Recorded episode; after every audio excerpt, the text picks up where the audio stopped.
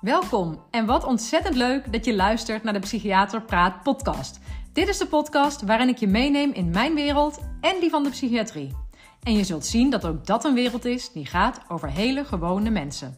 Mijn naam is Wieneke Gerrits en ik ben psychiater. Ik ga ervaringen en verhalen vertellen uit mijn persoonlijke leven en uit het leven van mijn patiënten. Laat je raken, inspireren, motiveren of gewoon een hart onder de riem steken. Mijn missie is om zoveel mogelijk mensen in beweging te zetten om voor zichzelf te zorgen. Door met elkaar te delen en hulp te vragen als dat nodig is. Niet alleen bij professionals, ook bij elkaar. Zo maken we samen het leven wat draaglijker en onszelf of de ander soms gewoonweg een stukje gelukkiger. Heel veel luisterplezier. Hey, hallo. Welkom bij de Psychiater Praat podcast. Super leuk dat jij weer luistert. Vandaag is het thema verbinding. Verbondenheid met elkaar. Dat is sowieso een rode draad in mijn denken over de mens. En um, mogelijk ook een rode draad in de afleveringen. Ik weet niet in welke mate jij het hoort terugkomen in de verschillende uh, podcasts die ik uh, uh, aan jullie laat horen. Maar voor mij is verbondenheid tussen mensen, dus met elkaar, ja, is echt het, nou ja, ik denk bijna het belangrijkste thema in mijn denken over psychisch welzijn. Zeg maar, zonder elkaar red je het niet, denk ik. Verbinding en verbondenheid zijn super belangrijk. En ik ga dat vandaag helemaal toelichten. En ik ik wou zeggen, ik misbruik een beetje. Nee, dat is niet waar. Dat, dat zeg ik helemaal niet goed. Nee, maar ik ga straks ook een aankondiging doen die met dit thema te maken heeft. Dus dat past heel goed bij dit onderwerp. Laat ik het zo zeggen, want zo zit het eigenlijk ook in elkaar. Maar wat ik merk is dat ik um, veel uh, uh, hoe zeg je dat? contactverzoeken krijg. Mensen die mij opzoeken uh, met de vraag of ik iets voor hen kan betekenen vanuit mijn praktijk. En dat um, als ik, en vaak ga ik dan een gesprek aan met mensen, uh, heel vaak via videobellen bijvoorbeeld, om even een eerste kennismaking te hebben. Uh, om even ja, af te tasten van wat is iemands vraag, waar komt die mee, waar, ligt het accent en wat heb ik daarin te bieden. En wat me opvalt, is dat het heel vaak neerkomt op dat mensen zeggen dat ze uh, eigenlijk een grotere behoefte hebben aan verbondenheid met andere mensen dan dat ze op dat moment hebben. En dat is niet het enige en dat is ook niet altijd, wordt dat, uh, zeg maar, aan het begin van het gesprek, uh, herkent diegene dat bij zichzelf. Maar als we dan een beetje ontrafelen wat de vragen zijn, komt het heel vaak daarop uit. Het gaat natuurlijk ook, hè, mensen komen ook bij mij omdat ze zeggen: Ja, ik voel me niet fijn, ik ben ongelukkig, of ik heb last van depressies, of um, uh, nou ja, iets vlotter niet in het leven, waardoor, waarvoor ze bij mij komen. En dat is meestal komen ze niet zelf primair met de vraag van... hé, hey, ik wil meer verbondenheid met anderen. Uh, maar als ik ga doorvragen en weer een vraag achter de vraag stel enzovoorts... gaat het erover dat mensen... Uh, ja, dat toch een beetje een rode draad is dat ze zich ofwel wat alleen voelen... Uh, soms ook echt eenzaam voelen...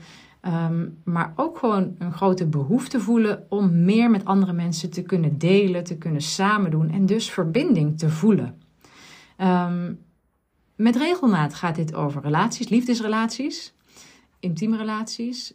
Maar ook heel vaak gaat het over um, relaties bijvoorbeeld met ouders. Hè, bij volwassen mensen die een, die een bepaald iets verlangen nog in een relatie met hun eigen ouders. Die dan vaak dus al op hoge leeftijd zijn. Maar ook relaties uh, als, zoals vriendschappen, uh, relaties op het werk, collega's. Of met eigen kinderen, zeker wanneer die wat groter zijn, gaat het daar ook wel eens over. Um, en ik begon dat op te merken. En um, eigenlijk vind ik het niet vreemd. Want ik geloof erin, nou ja, daar begon ik net ook al een beetje mee, maar dat uiteindelijk uh, het samen zijn en sterker nog, eigenlijk het iets betekenen voor een ander, dat dat, denk ik, ja, hoe moet ik dat precies verwoorden? Ik geloof er echt eigenlijk in dat dat levensgeluk brengt. Ja, zo moet ik het framen. Dat is hoe ik het zie. Uiteindelijk geloof ik erin. En er gaat wel veel aan vooraf hoor. Dus dit is als het ware de kers op de taart. Maar als je uiteindelijk in zo'n uh, leven komt, in zo'n toestand komt, dat jij ervaart, maar ook ja, waar maakt, zeg maar, dat jij iets toevoegt aan het leven van een ander, dan geeft dat heel vaak veel levensgeluk. Is dat het enige? Nee, want er valt ook veel te halen uit uh, gewoon geluk binnen in jezelf en de relatie die je met jezelf hebt, of hoe, hoe, je tegen jezelf aankijkt. Maar ik, uh, ik denk dat dit inderdaad een soort uh, ja, extra is, of dat het, ja, dat het het afmaakt of rondmaakt. Want ja, ik heb natuurlijk wel vaker, ik, uh, ik heb misschien de laatste tijd even wat minder laten vallen de term, maar ik heb het vaker over het ik-isme gehad. Dat is overigens, ja, ik, ik, ik, ik meen dat ik het zelf heb bedacht. Het is, ja, of ik moet in mijn onbewuste het ergens hebben opgepikt, maar ik-isme is een, is een woord wat ik heb bedacht, een concept, um, waar waar, waar ik vanuit ga in mijn denken en in mijn werken met mensen. Omdat ik, uh, en daar, ik, probeer, ik ga nog eens een keer proberen uit te leggen of over te brengen wat ik daarmee bedoel. Uh, kort dit keer, hè, want ja, het is niet zo dat ik nou hier een uur kan, of ja, kan ik wel doen, maar het is niet mijn intentie. Maar het ik-isme gaat wat mij betreft eigenlijk over dat we namelijk allemaal, ja, wij zijn mensen en we zijn individuen en we hebben allemaal een ik. Wij, de mens denkt in de ik-vorm, dus daar begint het mee. En daarom, daarom leg ik in dat concept daar ook de nadruk op. We leven als mens vanuit het ik. Daarom noem ik het het ikisme. En dat is namelijk zo, ieder ik, iedere ik heeft zijn eigen geschiedenis. Dus dat, dat kleurt jou in, wat jouw geschiedenis is geweest.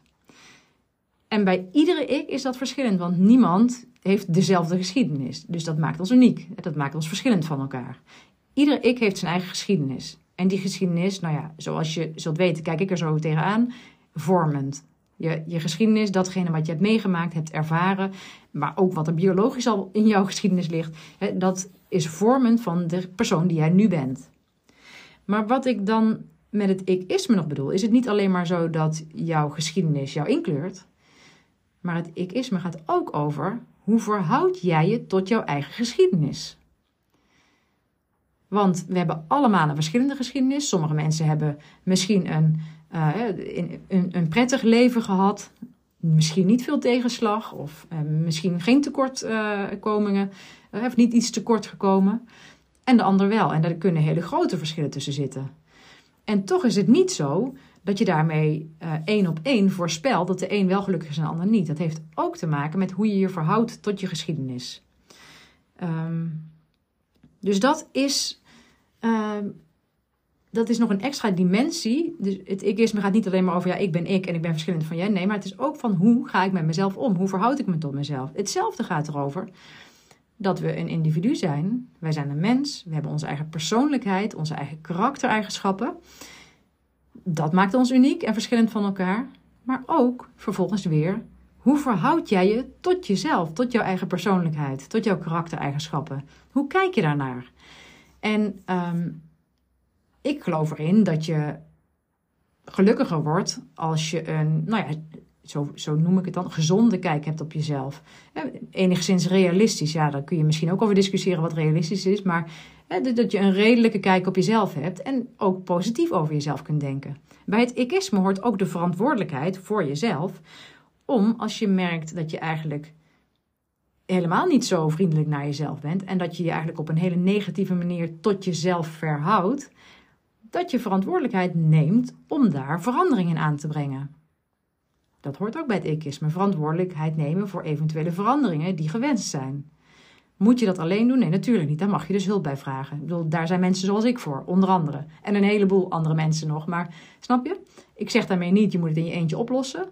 Maar ik zeg er wel over van, ja, uiteindelijk moet het vanuit jezelf komen.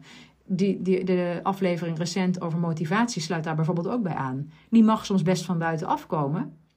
Hè, want soms is het gewoon zo dat je niet vanuit jezelf bedenkt... nou, laat ik nu eens even iemand opzoeken die me gaat helpen om meer... Hè, ik neem de verantwoordelijkheid om aan mezelf te gaan werken... zodat ik verander, omdat ik dan me beter tot mezelf verhoud. Nee, ik snap wel dat mensen zo niet denken. Dus ook bij het motiveren en ook naar het werken richting verantwoordelijkheid nemen, kun je soms hulp gebruiken. Maar uiteindelijk geloof ik er dus wel in dat ieder individu op zoek moet, zeg maar, of dat het helpend is om op zoek te gaan naar die eigen kracht, om die eigen regie te nemen. En zo is het ook dat bij het ik-isme hoort dat ieder ik, ieder individu, begeeft zich onder andere mensen, onder de mensen. er is eigenlijk niemand, nou ja, misschien komt het ergens voor, maar eigenlijk echt geïsoleerd leven bestaat niet of nauwelijks. Dus we hebben allemaal mensen om ons heen. Dus daar hoort ook bij hoe verhoud ik me tot andere mensen? Hoe zijn mijn relaties met andere mensen? Dat wordt bepaald onder andere door hoe je naar jezelf kijkt en uh, hoe, je, uh, hoe je jouw persoonlijkheid ook tot uiting laat komen. Hè? Dus hoe stel je je op? En die relatie met anderen, hoe verhoud je je tot de ander? Dat is uiteindelijk waarvan ik in geloof dat dus um, grote stappen gezet kunnen worden in het ervaren van tevredenheid of misschien wel geluk. Dus het ikisme gaat onder andere over en jezelf kennen, dus bewust zijn dat je een individu bent met jouw eigen levensverhaal, met je eigen geschiedenis, met je eigen heden, met je eigen toekomst. Um, met eigen verantwoordelijkheid nemen. Van ook verantwoordelijkheid nemen over hoe je dus naar die zaken kijkt en hoe je daarmee omgaat. Maar er hoort ook bij dat je vervolgens eigenlijk ook, doordat je verantwoordelijkheid neemt en daar bewust van wordt, ook opties gaat creëren om te kunnen veranderen. Dat kun je alleen doen of kun je met hulp doen. Maar opties creëren om je leven vorm te geven. Dus eigenlijk, um, zo werk ik met mensen. Dat is denk ik waar de kracht van mijn werk in zit. Dat ik andere mensen eigenlijk help om meer grip te ervaren op hun leven. En daardoor eigenlijk meer vrijheid gaan ervaren. Dat er keuzes zijn in het leven, waardoor je uh, kunt bijsturen in richtingen waar je graag naartoe wil. En kunt uh, afwijken van de richtingen waar je niet meer naartoe wil.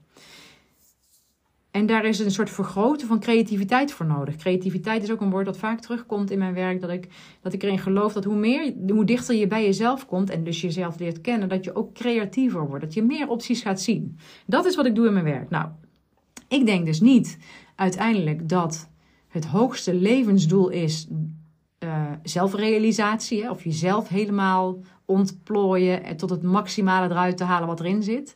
Ik geloof niet dat, nou ja, dat mag wel een levensdoel zijn, maar ik geloof niet dat dat tot het grootste gevoel van welbevinden leidt, tot het grootste gevoel van geluk leidt.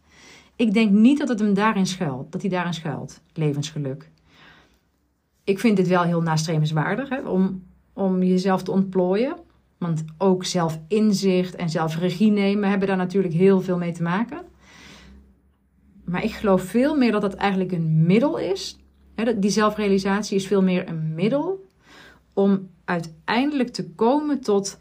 Uh, ja, daar is een duur woord voor, zelftranscendentie, maar dat mag je eigenlijk zo vergeten, want dat is helemaal niet zo relevant, vind ik. Maar juist eigenlijk dat je gaat zien of ervaren dat je zelf onderdeel bent van een groter geheel. Dus dat het eigenlijk niet meer zozeer om jou als individu gaat, maar dat het gaat om jou en jouw netwerk of jouw sociale kring of en überhaupt de omgeving, jouw context.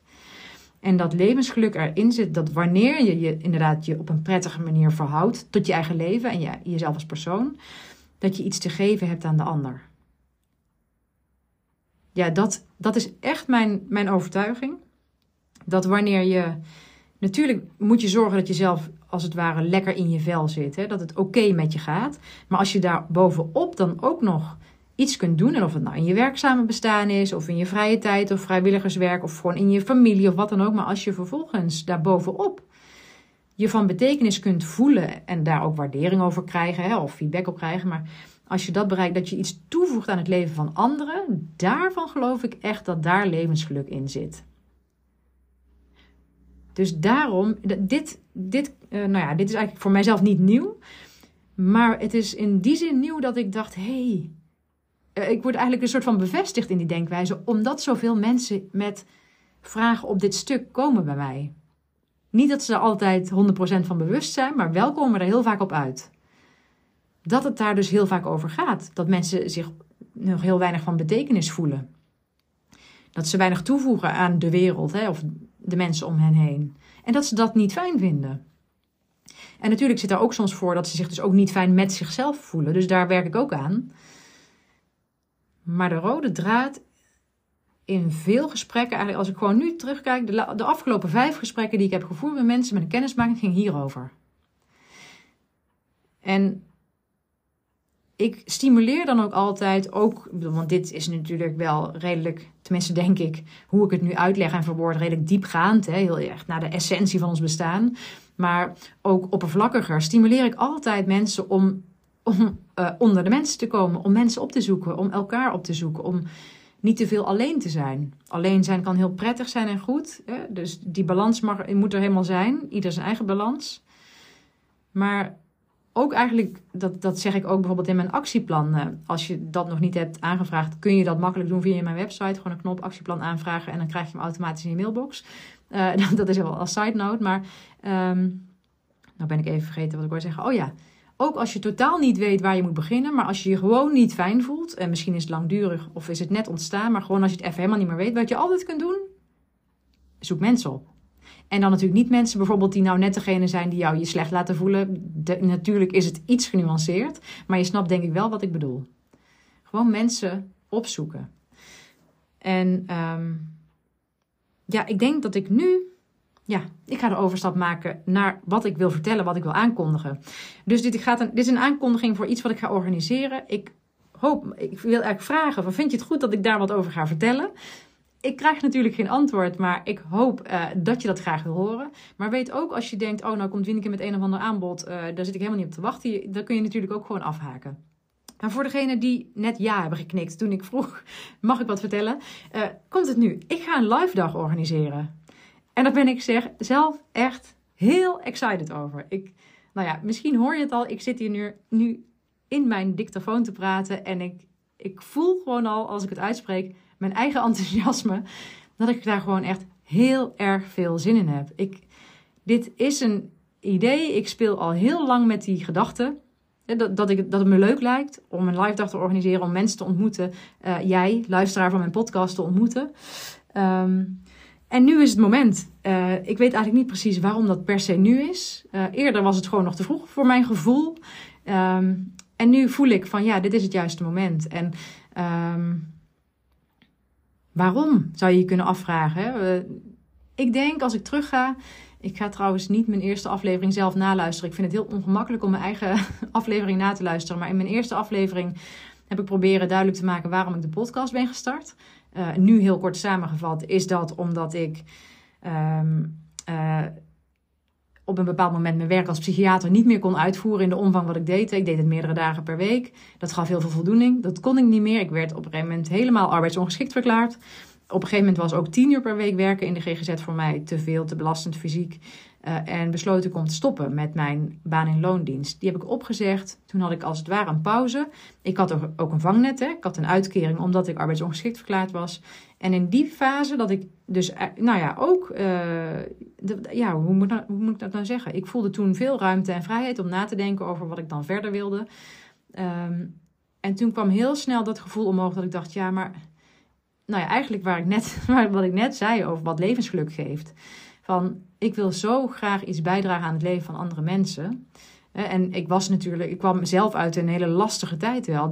Ja, de, nu, nu gaat het al een, uh, een hele tijd behoorlijk goed, maar het was echt heel lastig, die hele periode van langzaamaan uh, steeds minder kunnen werken, maar heel veel pijnklachten hebben. Allerlei beperkingen ervaren in het leven. Dus ik ben als het ware zelf ook wel door een dal geweest. Um, maar daar kwam ik gelukkig uit. En toen kon ik dus ook weer voelen waar ik, waar ik warm voor liep, waarvan ik ga gloeien. En dat is als ik van betekenis kan zijn voor andere mensen. En dat had ik al ervaren dat ik dat kon als psychiater. Echt, uh, hoe, zeg, ja, hoe moet ik dat uitdrukken? Dat is echt heel erg vervullend geweest voor mij om dat te doen. Hele intense, waardevolle contacten aangegaan. Natuurlijk als een arts-patiëntrelatie. Maar ja, ik vond dat werk was heel erg bevredigend, laat ik het zo zeggen. En dat miste ik echt. En toen ben ik gaan nadenken, hoe kan ik dat dan opvangen? Of eh, niet opvangen, maar hoe kan ik op een andere manier dat vormgeven? Nou, ik kwam dus bij mijn eigen creativiteit uit. Dat woord wat ik net ook noemde. Ik merkte dat doordat ik een pas op de plaats had gemaakt. Een keuze had gemaakt, hè, opties gecreëerd. Een keuze had gemaakt om die baan- en loondienst op te zeggen. En dat ik meer rust kreeg. Dat ik daardoor creatiever werd. En dat ik toen met het idee kwam van... Goh, zou ik dan een podcast gaan maken? Dat vond ik doodeng. Het heeft volgens mij... Dat, vanaf dat eerste idee tot aan dat ik het daadwerkelijk ging doen... zat een half jaar tussen ongeveer. Want ik kreeg allerlei kritische stemmen eh, vanuit mezelf. Hè, van wie denk je wel dat je bent? Uh, vinden mensen jou wel interessant? Al bla, al dat soort dingen. Kostte een behoorlijke hobbel om dat te gaan doen. Rare zin, maar je snapt wat ik bedoel. Um, dat, ik kreeg die creativiteit en ik dacht, ja, op die manier kan ik ook iets gaan overbrengen? Kan ik ook van betekenis zijn in het leven van anderen? En dat blijkt. Dat, ja, ik vind, het nog, ik vind dat hardop zeggen inderdaad. Ja, dat, is, dat zegt iets over mij als persoonlijkheid. Hè. Het is geen valse bescheidenheid, maar het is gewoon... Ik, ik hoor dan van toch weer die kritiek of zo. Maar dat ik denk, ja, ik mag het gewoon een succes noemen. Ik, ik weet niet, mijn podcast is 25.000 keer beluisterd of zoiets dergelijks. Ik vind dat insane veel. Ik ben echt... Nou, ik ga allemaal Engelse termen gebruiken, maar ik ben echt heel erg overvallen en overweldigd. Ik had het echt nooit durven dromen. Ik vind dat zo intens en zo gaaf. En ik krijg reacties van mensen die ook schrijven van Bieneke, oh, ik heb iets aan jouw podcast of je helpt me hier en hier mee. En dus dat ook dit is een vorm die heel vervullend is. En toch is het ook zo dat ik ook verlang naar nou, weer een stapje verder verbondenheid. Want op een gekke manier voel ik me wel verbonden met mijn luisteraars. ook als, niemand, als je niet reageert. Op de een of andere manier, er is iets geks, maar dat komt denk ik ook door die cijfers of zo. Hè? Dan denk je, ja, ik zie gewoon dat er veel mensen luisteren. Dus, maar dat ik gewoon, ja, ik heb ook het gevoel dat ik tegen jou praat. Uh, dus ik voel op een bepaalde manier al een verbondenheid. Maar nu voel ik ook echt dat ik denk, ja, maar ik wil ook nog een keer een stapje dieper gaan. Ik wil ook nog een keer mensen echt ontmoeten. Dus, uh, en dat gaat allemaal over mij. Hè? Nu zeg ik allemaal waarom ik het zo leuk vind om een live dag te organiseren. Um, maar waarom zou jij daar naartoe moeten komen? Ja, ik denk, ik, ja, Ten eerste, misschien vind je het gewoon leuk om mij te ontmoeten. Je bent een luisteraar van mijn podcast. Misschien vind je het gewoon wel heel interessant om mij eens in levende lijven te zien. Net zoals dat ik het leuk vind om jou in levende lijven te zien. Dus ik, dat lijkt mij leuk. Dus ik kan me voorstellen dat jij dat andersom ook leuk vindt. Maar daarnaast is het natuurlijk ook een, denk ik, relatief unieke ervaring om een psychiater te ontmoeten. En misschien heb jij er al heel veel gezien in je leven, of misschien nog nooit. Maar ja, om naar een dag te gaan waar een psychiater is, uh, komt denk ik niet veel voor. Is gewoon, denk ik, een soort unieke kans. En natuurlijk ga ik op die dag een interessant programma samenstellen. Dus ik, ga, ik, deel natuurlijk al heel veel over mijn denkwereld uh, in mijn podcast. En ik ga daar op die dag een samenhangend geheel van maken. Waar, waar je wat aan hebt, waarvan je iets mee naar huis neemt. Dat je een bepaalde kapstok hebt. Dat je dat het ga, over gaat van ik ga en op die dag kijken van hoe kan ik je helpen. Nou, ook wel te laten bewust worden, denk ik. Te laten inzien wat de kracht is van inzicht in jezelf. Um, maar dus ook door voorbeelden en door uitleg gaan laten zien hoe, hoe dat dan werkt. Hè? Wat ik net noemde, zo het creëren van opties en vrijheid in je denken en keuzes kunnen maken. Um, en wat, hoe je dat nou doet, grip krijgen op je eigen leven. Hoe neem je dan die, hoe vat je die koe bij de horens? En hoe ga je nou dingen anders doen? En dus ik ga een interessant programma samenstellen. Maar daarnaast heb ik ook bedacht dat, um, dat is ook een reden waarom het leuk is om te komen, um, dat iedereen die komt, uh, mag van tevoren, is geen verplichting, vrijwillig, maar mag van tevoren een dilemma of een vraag indienen bij mij. Uh, en um, dat mag. En op die dag ga ik als je hebt aangegeven dat je daar interesse in hebt, dat je dat wil, ga ik een aantal van die vragen plenair bespreken met die persoon. Dus ik ga als het ware, eh, ja, dat noem je, hoe noem je dat? Op het podium of een hot seat, zeg maar. Ik ga gewoon een gesprek voeren met iemand, iemand die heeft aangegeven dat te willen, uh, in bijzijn van de rest. En waarom denk ik dat dat waardevol is? Dat is en waardevol voor die ene persoon, maar ook voor de anderen die daarbij zijn. Want je krijgt eigenlijk te zien um, op welke manier ik met die persoon bij de essentie uitkom van zijn vraag. En vervolgens natuurlijk de tips en tricks die daaruit voortkomen. En ik weet niet, ja, dit is een beetje zo'n gevalletje van daar had je bij moeten zijn. Maar als je wel eens uh, in groepsverband, in groepstherapie bent geweest of een groepsbegeleiding hebt gehad. De, de kracht van een groep is zo groot. En dat zit hem niet eens alleen maar in wat er precies gezegd wordt, maar dat zit hem iets. Ik ben helemaal niet zweverig, maar dat gaat heel erg ook over de energie die er is. En de, de blikken die volgen op als iemand iets uitspreekt. En uh, dus de reacties die je krijgt, de spiegelingen die je krijgt, de, steun die je kunt ervaren daarin. Uh, ja, hoe je door herkenning je verbonden kan voelen. Nou, heb je weer verbondenheid, hè, maar hoe, je, hoe, hoe snel je verbinding kunt voelen. Want als jij een van die personen bent die naar mijn live dag wil komen, dan, dan ontmoet je dan natuurlijk alleen maar mensen die ook naar mijn podcast luisteren en die ook geïnteresseerd zijn uh, in mijn live dag. Dus je, hoe dan ook, op zijn minst heb je enkele raakvlakken met elkaar.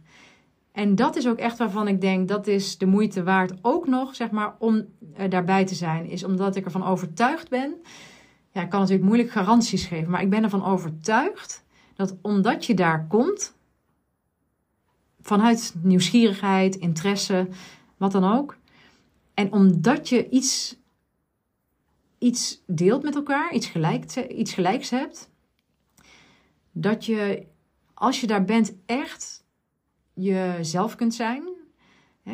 Je bent oké. Je, hoeft, je hoeft niet je anders voor te doen dan je bent. Uh, je mag als je wil je zo kwetsbaar opstellen als je wil. En ik ben ervan overtuigd dat er op zo'n dag dingen zullen zijn. En of dat nou iets is wat ik zeg, maar het kan ook gewoon een ontmoeting met iemand anders zijn. Dat er één of meerdere momenten zullen zijn die jou diep raken. Die, die jou uh, roeren. dus die iets teweeg brengen in je. En daar bedoel ik iets, iets warms mee, iets fijns. Iets wat jou, hmm, nou ja, goed doet. Iets wat, je, wat jou steun geeft. Uh, misschien wel iets wat je inspireert of zo, hè, waar, waar, je, waar je mee verder wil. Dat is wat ik echt, want overigens, ik ga ervan uit dat het echt een, uh, een intieme gebeurtenis wordt. Het is niet zo, ik ga geen groots event organiseren. Het is voor mij ook de eerste keer dat ik zoiets doe.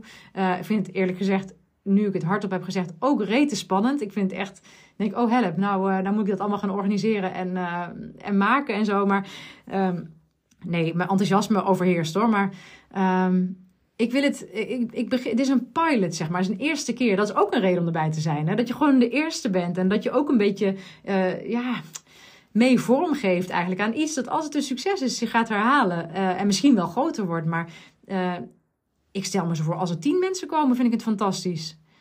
Maar veel meer dan 30 of zo, daar krijg ik de zenuwen van. Dus het wordt ook klein, denk ik.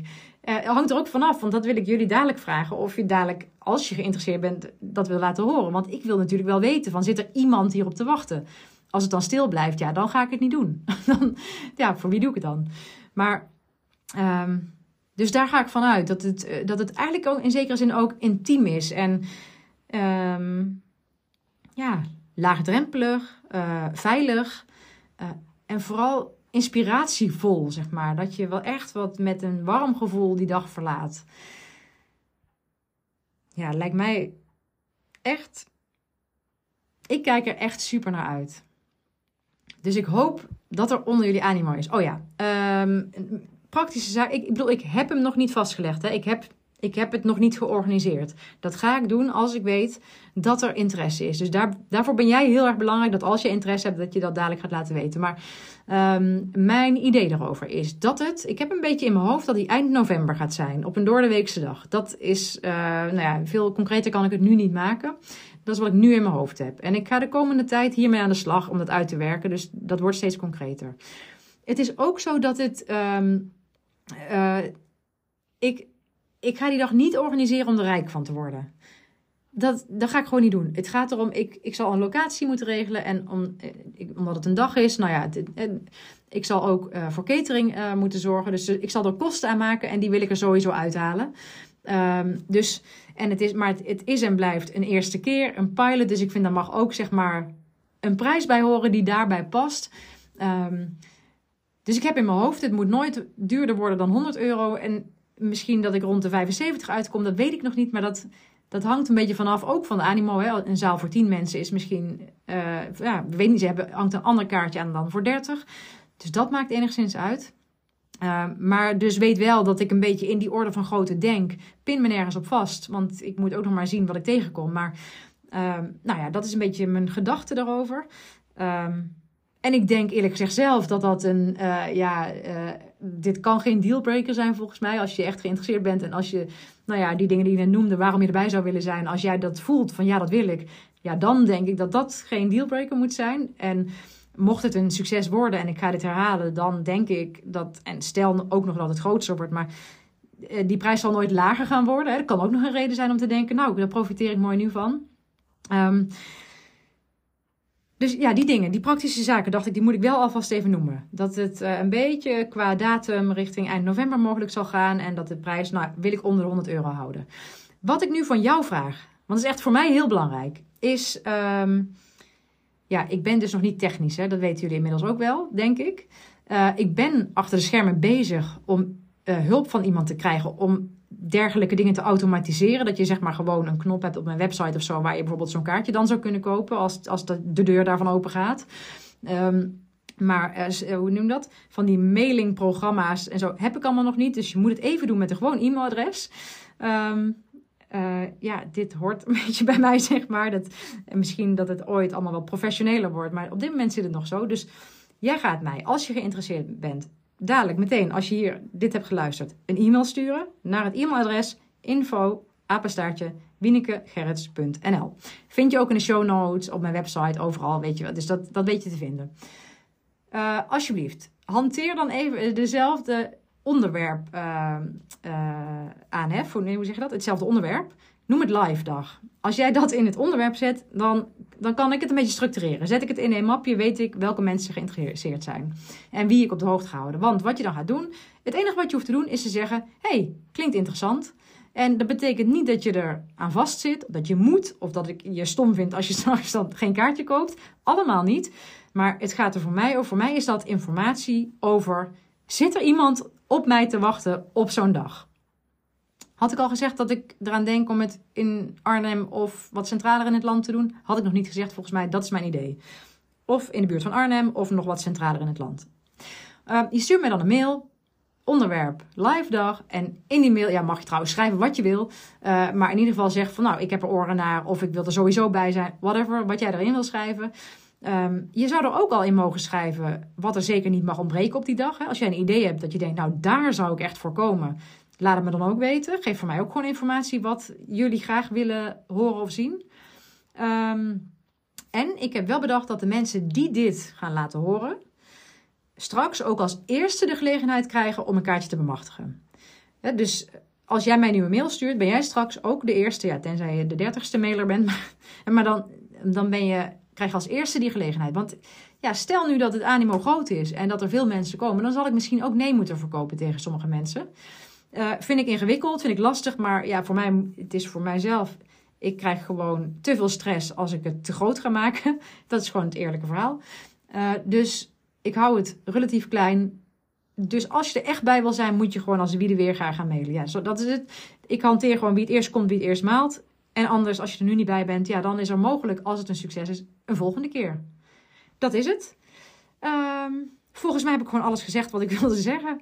Ik, uh, ik hoop dat ik mijn enthousiasme heb over kunnen brengen. Dat is trouwens ook, dat heb ik net nog niet gezegd, maar dat is ook wat ik heb geleerd.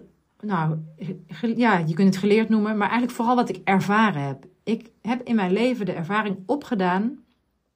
Niet alleen maar namelijk in werk, ook eigenlijk gewoon in andere sociale kringen. Maar dat, vraag me niet waarom. En het is niet zo dat ik er nou per se te koop mee wil. Ja, eigenlijk loop ik er nu wel letterlijk te koop mee. Maar ik wil het niet over opscheppen. Maar wat, wat ik in mijn leven ervaren heb, is dat veel mensen iets heel positiefs um, ervaren aan mijn energie, aan mijn aanwezigheid. Dat ik, want, en misschien heb jij dat al door deze podcast, dat je dat gewoon door naar me te luisteren herkent wat ik nu bedoel. Uh, want ik heb wel, ik denk alweer, oh, dit is heel onbescheiden wat ik nu zeg. Maar ik vind, dit is wel, dit is toch ook wel hoe ik het echt zelf zie en hoe ik erover denk. Ook in mijn werk met patiënten. En en dat, daar, daar zijn ernstig beschadigde mensen tussen gezeten. Mensen die echt heel ongelukkig waren, die heel diep zaten. Dat toch door mijn aanwezigheid, al, en dan niet alleen gewoon er zitten, maar de wijze van contact die ik met mensen maak. Hoe ik ze kan horen en kan zien en naast ze kan staan. En, maar dus ook echt het gevoel kunnen geven van je wordt gezien en je wordt gehoord. En we dragen even samen wat er op dit moment te dragen valt. Dat dat mijn kracht is. En ik, ja, ik word er zelf een soort van enthousiast van als ik me bedenk dat ik dat ook zou kunnen ervaren. Maar ook dus die ervaring kan geven. Maar ook zelf zit er ook mijn eigen ervaring aan vast. Op een, op een dag dat we elkaar ontmoeten. Dat is waarom ik ook, en dat is misschien moeilijk, uh, is misschien moeilijk te verwoorden of te verkopen, maar dat is wat ik denk, wat ik mee te brengen heb. Waarom het interessant is om mij te ontmoeten, omdat ik denk dat ik met mijn volle presence, met mijn volle aanwezigheid er ben in contact met jou. Oh ja, want dat heb ik nog niet genoemd. Natuurlijk gaat er gewoon tussen het programma door, komt er ook ruimte om gewoon met elkaar te kletsen en zo. En gewoon even leuk elkaar te ontmoeten en hoi te zeggen. Nou, nu vind ik dat ik lang genoeg gepraat heb. Ja, dit moest er gewoon even uit. Ik ben er zelf zo enthousiast over dat ik gewoon echt stond te popelen om jullie hiervan op de hoogte te brengen. Dus vergeet me niet te mailen, please, want anders weet ik niet of ik verder moet gaan. Info at onderwerp live dag en zet in die tekst wat je wil zeggen. Misschien zie ik jou wel over een maand of twee. Nou, heel erg bedankt voor het luisteren en tot de volgende.